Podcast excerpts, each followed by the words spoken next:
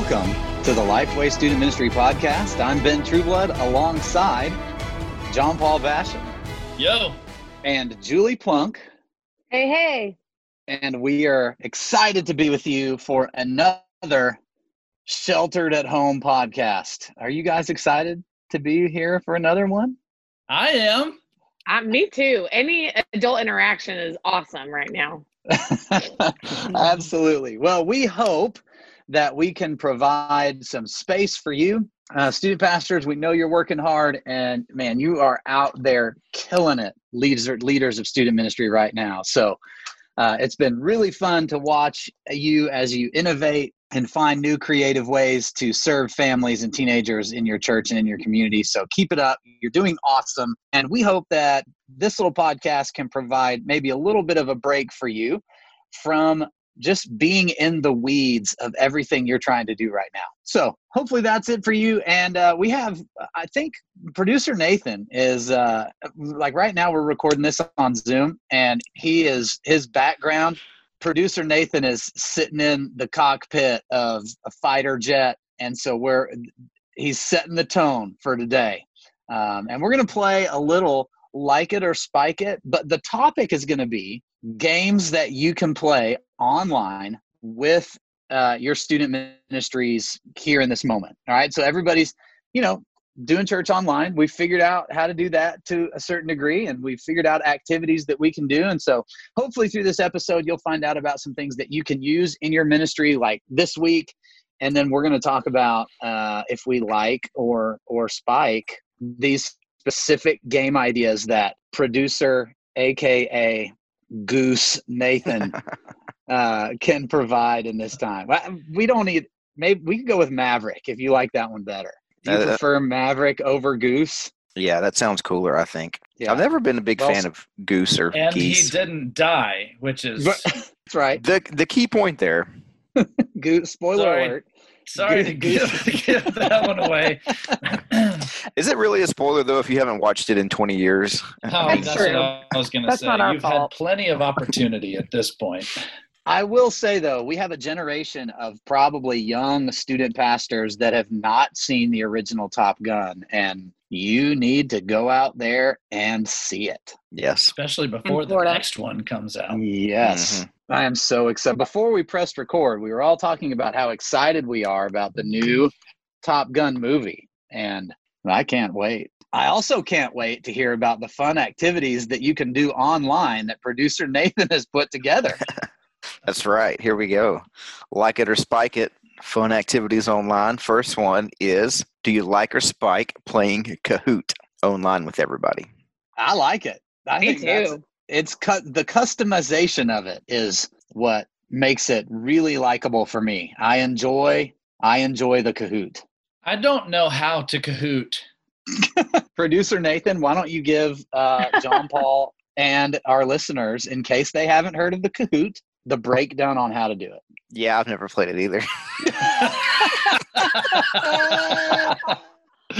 All I've got here is that it's a trivia game that you can borrow from existing games or create your own. So does this come from some kind of being in cahoots? Does this apply here? No, so you can go to Kahoot online. How to Kahoot.com. The uh, it's Kahoot.it. I'd like to Kahoot.tv. Yes, you Isn't can it like to trivia? It is. You can go to Yeah. Kahoot and you can uh, cr- log in, create your own game, and then you give everybody that's in the game gets a unique pin, and they can name their own team or whatever. Uh, and then you start it and, and you run it. And you get the questions that you put in there. There's like pre-made ones, or you can do your own. And uh, it's the points that you get are on correct answers and on time. So if you answer faster than everyone, you get more points. So it's a uh, it's a great little game. It, it's all multiple choice, uh, and so you can like do Bible trivia or random other trivia that you choose. Okay, so this is like Okay. restaurant trivia game that you can play from the little pad or whatever. Who does that? Buffalo Wild Wings. Yeah, That very similar, same kind, Same kinda thing. idea. Mhm. Oh man, I cannot wait for someone to me to Kahoot. I'm in. Today we're all fans of the trivia. All right, next one up. Do you like or spike the household scavenger hunt? Ooh, So how This this is fun works is oh, go ahead. I was gonna say, so how this works is you just maybe you're doing this through Zoom, some app like that. You call out an item, and then the first person to bring that item to this to the screen gets the points. I like this because it can involve the whole family. So I'm a fan of that because I've seen some youth groups do that so their parents are involved too and they make it really fun and interactive. I too like it too. love. Yes, I love it. It's a good one. The household scavenger hunt. Try to make it as random of items as possible. Like that's what I want to see. Yeah, who's got the can of salmon in their f- closet? Oh, Why did they like have it in their closet? Canned salmon. I don't know. Maybe they got a frozen one. I don't know. How does that work? It's still in their closet. I Clearly, I eat a lot of salmon. I don't know. Is that can you get canned salmon like canned tuna? Uh, That That's what I doesn't was have to be thinking. But refrigerated. right, yeah, that's what I was thinking. I don't know. I It's think like so. spam. Oh yeah, It's like that salmon spam. that'd be a good one. Who can bring in a can of spam? Spamming. Spamming. there it is. All right, moving right along. Chicken of the sea. In no relation whatsoever. How about the Bob Ross Paint Night? Ooh, talk brings a- about this one. Yeah, so everyone brings a canvas, or you probably don't have readily access to a canvas. I know I do not, but maybe just a piece of paper and some crayons. I think that works as well. And then you see who can create the best painting. I see this going two different ways. You can have it open ended. You can be, all right, give me the best landscape you can do, or you can give them the painting, say who can replicate it. Okay, I'm going to throw a spin in on this one. All right. Netflix has this thing right now that you can group watch, right? Ooh. And you can have conversation. Uh, there's like chat and stuff about like the show. So everybody's watching the show at the same time together. I like this if you get your group to watch it together and follow along with a Bob Ross painting on Netflix. And you could use crayons or whatever, because, like you said, how many student ministry, like how many teenagers are going to have access to canvas and brush? Probably not many. But if you do the crayon version of following along with actual Bob Ross, I'm in. even uh, so i've seen one of our writers for one of our ongoing lines. He's he is posting every once in a while his kids doing harp tunes. Have you guys heard of harp tunes? No. I haven't. so it's it's like one of those things where they lead you through. So you're gonna make monsters or you're gonna make something else. And so it'll it'll it's a kids kind of thing but i think this is a buy-in. This is a pitch it the right way and your students will be on board. So you're like you're gonna make this monster out of the number three. And so they literally tell you you're first gonna make a three and then you're gonna make a triangle and then you're gonna make a line down here and it turns into the monster so you learn how to draw it so I could see it being a lot of fun to watch through that, have everybody draw the monster, and then do like a contest for who's got the best monster at the end. Yeah, I agree. I think the key to this one is to have some direction because if you leave it open ended, I think it can crash really quickly, like a bad joke, and no one's laughing and it's awkward. And And there's no Just need some telling what a middle school boy is going to draw if you just Oh give my them gosh. free reign. You cannot have an open ended sentence on And that. then they're just Nope. going to say, "See what I drew." Look at this. See, True. I think that's an element of risk that brings the excitement to the party. Oh man, that's like an open mic night for me. You just don't know what's about to show up or be said. Oh, that's good. I yeah, I, I think in general, good idea here. And you get to see some creativity out of your people. Another activity you could do as a group is charades.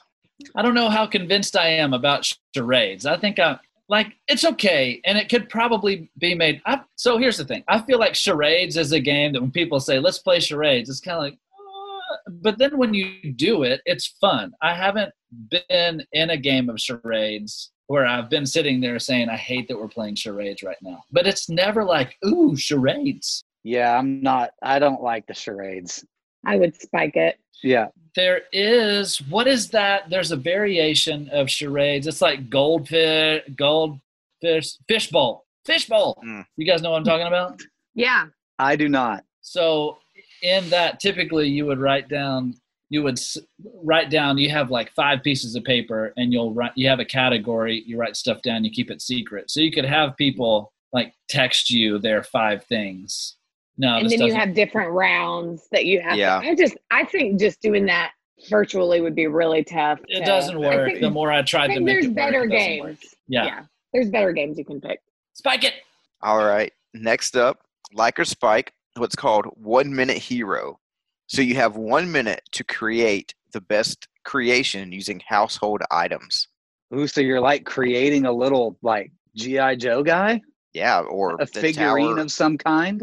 I'm gonna have to like this one because there is so much opportunity for creativity here. I, I think like this is my favorite one so far. One minute, go grab some stuff and create something. And I wish it could just be called MacGyver. This is what I think of is MacGyver. One minute MacGyver. Mm. Yeah, We're like changing the better. name of it. Although these kids do not know what that means, No, You're exactly right. but that's okay. You can still have people think it's cool. It did like- make like a one season comeback, I think, and and failed miserably. it's like a new version. I remember when they did that. It hasn't been too long ago. They would just call it life hacks today. Yeah, Mhm.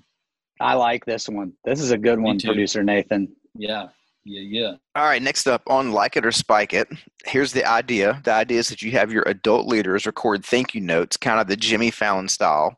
And so students can see the adults and the volunteers that they've, you know, are missing out on seeing every single week. So really just write those thank you cards. So an example that we found online, so this is not original to us, but some examples we found online would be like, thank you, Zoom virtual backgrounds, because nothing makes me feel closer to my friends like pretending we're all millions of miles away in space. Another favorite one of mine is thank you, social distancing, for proving that being extroverted is overrated.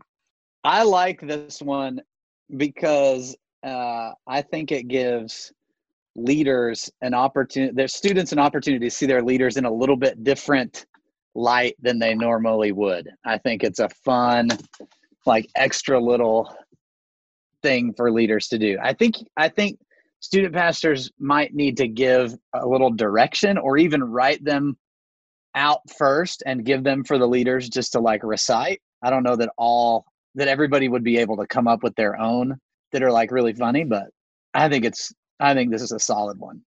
Yeah, if you have the right group of people and send them some some clips, which there's plenty of of Jimmy Fallon doing this thank you note segment. I think it could be a lot of fun. If you have the right people to have them do their own and then almost have like a best thank you note competition. Yeah. All right, next up, like or spike. Do you like or spike the TikTok dance challenge? Like it. Like it definitely, Yeah, I like it too. and I think it'd be good for you as a youth leader and your adult leaders to be doing this too, not just the students. Yeah, if you don't know the renegade dance, you are not strong enough in your TikTok game. Man. So, so the I I guess the only like if there's going to be a uh, cautionary moment of the TikTok dance competition is that there is other content on there besides the TikTok dance competition that your student ministry will have just with each other. Yep. So it would be putting people in an environment where other stuff is out there, which there is every. I mean, anyway. So That's use true. your judgment, be wise about it. and even some of the TikTok dances, come in, some of them can get a little racy. So mm, put some Little- parameters around that too. Yes, the non-racy version. Yes. There you Make go. up your own even.